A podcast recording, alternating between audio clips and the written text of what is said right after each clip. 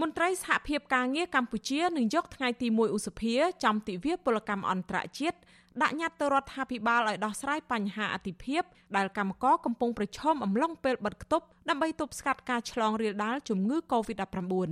ប្រធានសហភាពការងារកម្ពុជាលោកអាត់ធុនថ្លែងថាញត្តិដែលលោកនឹងស្នើទៅរដ្ឋាភិបាលឲ្យដោះស្រាយនោះគឺស្នើឲ្យមានការដោះស្រាយបញ្ហាការងារឲ្យមានភាពល្អប្រសើរឡើងដូចជាបញ្ហាប្រាក់ឈ្នួលបញ្ហាសុខភាពសេវាកម្មផ្សេងផ្សេងការអនុវត្តច្បាប់ និងការបញ្ឈប់កម្មករជាដើមលោកថាពិសេសជាងនេះទៅទៀតស្នើរដ្ឋាភិបាលដោះស្រាយបញ្ហាបន្ទាន់ដល់កម្មករនិយោជិតដែលកំពុងខ្វះខាតស្បៀងអាហារនិងខ្វះការយកចិត្តទុកដាក់ក្នុងសេវាសុខភាពក្នុងពេលធ្វើចតាឡេស័កនិងបិទគប់នេះពាក់ព័ន្ធនឹងស្នើឲ្យមានការជួយ ទៅដល់កម្មករនិយោជិតហ្នឹងឲ្យមានការផ្ដល់នៅថវិកាក៏ដូចជាសម្ភារៈបានគ្រប់គ្រាន់នៅអំឡុងពេលដែល lockdown ឬក៏ព្យួរការងារឬក៏នៅក្នុងធ្វើចាត់តាវិសាហ្នឹងហើយដូចជាការស្នើឲ្យមានការព្យាបាលនិងនិយោជិតទុកដាក់បន្ថែមទៀតតាមបច្ចេកទេសវិទ្យាសាស្ត្រព្យាបាលហ្នឹងព្រោះកន្លងមកវាឃើញមានអ្នកព្យាបាលនៅតាមផ្ទះនៅអីឬថាមានការលំបាកពាក់ព័ន្ធនឹងការផ្ដល់ថវិកាជួយទៅដល់កម្មករអំឡុងពេលហ្នឹងហើយនឹងពាក់ព័ន្ធការដោះស្រាយបញ្ហាផ្សេងផ្សេងរួមទាំងពាក់ព័ន្ធនឹងការផ្ដល់ថវិកាដែលអំឡុងពេលដែលកម្មករព្យួរហ្នឹងក៏មិនតម្រូវសម្រាប់តែកម្មករកាត់ដេរឬក៏កម្មករទេសចរគួរតែរីកទៅដល់វិស័យផ្សេងទៀតដូចជាខាងខាងសំណង់ខាងឧស្សាហកម្មឬក៏ខាងទឹកជញ្ជូនឬក៏ខាងកសិកម្មជាដើមលោកអត់ធន់បន្តថាកម្មករកម្មការនីក្នុងវិស័យវាយនភ័ណ្ឌកាត់ដេរដែលជាប់ធ្វើចតាលិស័កនិងជាប់បំរាមរបស់អាជ្ញាធររដ្ឋាភិបាលបិទគប់នេះមិនទទួលបានប្រាក់ឈ្នួលផ្គត់ផ្គង់ជីវភាពនោះទេការលើកឡើងរបស់មន្ត្រីសហភាពការងារនេះ ធ្វើឡើងក្រោយពេលសហព័ន្ធសហជីពសមាគមសហគមន៍អង្គការសង្គមស៊ីវិលធ្វើការលើវិស័យសិទ្ធិការងារនិងសិទ្ធិមនុស្សចំនួន36ស្ថាប័នចេញសេចក្តីថ្លែងការណ៍រួមនៅថ្ងៃទី28ខែមេសា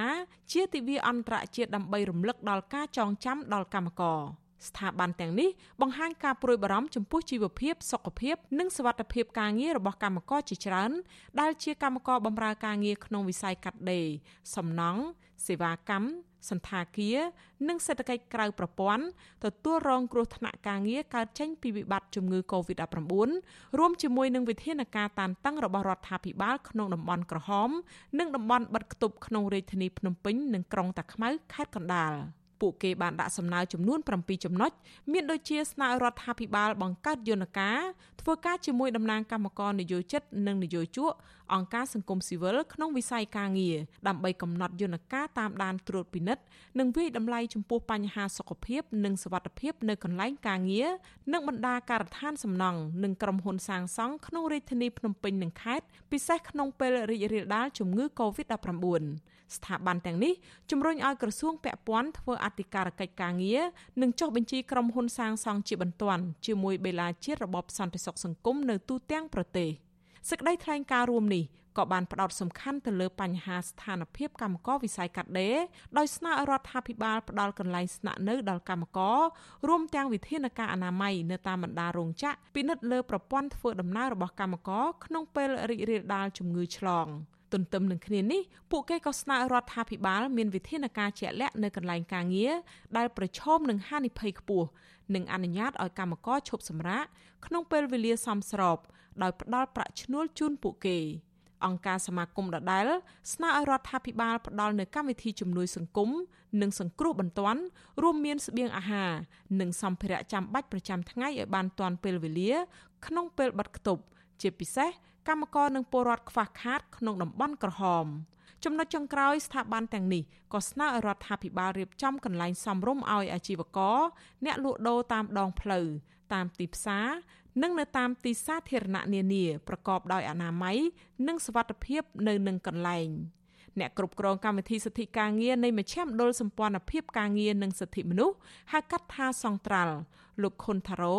សង្ឃឹមថាការជំរុញនិងសំណើទៅរដ្ឋាភិបាលនេះនឹងត្រូវបានរដ្ឋាភិបាលយកចិត្តទុកដាក់និងពិចារណាដោះស្រាយដោយថ្លឹងថ្លែងរវាងកត្តាសេដ្ឋកិច្ចនិងកត្តាសុខភាពសវត្ថភាពសម្រាប់កម្មករនិយោជិត។ ព្រោះថារឿងកូវីដដែលកើតនៅតាមបណ្ដារោងចក្រនេះមិនមែនជារឿងកើតនៅក្នុងពេលថ្មីថ្មីនេះទេវាជា ក្តីកង្វល់ហើយក៏ធ្លាប់បានលើកឡើង មុនពេលដែលឈានទៅដល់ការរីករាលដាលនៅក្នុងទំហំមួយដែលគួ រឲ្យមានការបារម្ភហើយជាការគម្រាមកំហែងទៅដល់វិស័យវិជ្ជាភ័ណ្ឌកាត់ដេរនិងដេរស្បែកជើងផលិតផលធ្វើដំណើរនឹងដែលជាវិស័យត្រួតត្រងនៅសេដ្ឋកិច្ចនៅក្នុងប្រទេសកម្ពុជាខណៈពេលដែលវិស័យផ្សេងទៀតដូចជាវិស័យទេសចរនឹងត្រូវបានដួលរលំសឹងតែ90%ទៅហើយ ចឹងបើសិនជាយើងបណ្ដោយឲ្យបញ្ហាកូវីដនេះនៅតែបន្ត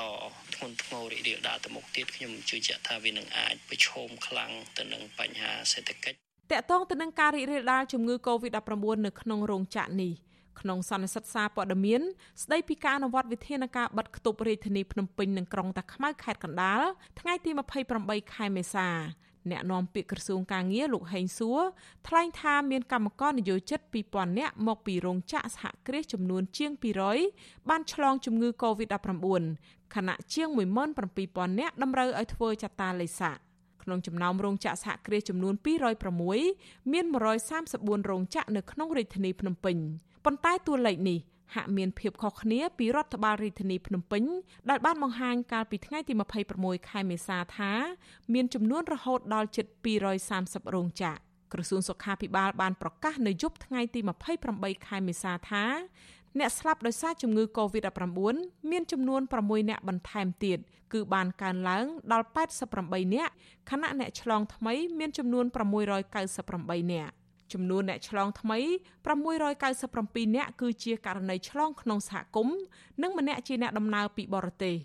នៅថ្ងៃដដែលនេះក្រសួងក៏អះអាងថាអ្នកជំងឺចំនួន994នាក់បានជាសះស្បើយគិតត្រឹមយប់ថ្ងៃទី28ខែមេសាកម្ពុជារកឃើញអ្នកឆ្លងជំងឺ Covid-19 សរុបជិត12000នាក់ក្នុងនោះករណីឆ្លងក្នុងសហគមន៍20កុម្ភៈមានជាង11000នាក់ អ្នកកំពុងសម្រាប់ព្យាបាល មានជាង7000នាក់ចានាងខ្ញុំខែសុណងអាស៊ីសេរីរាយការណ៍ពីរដ្ឋធានី Washington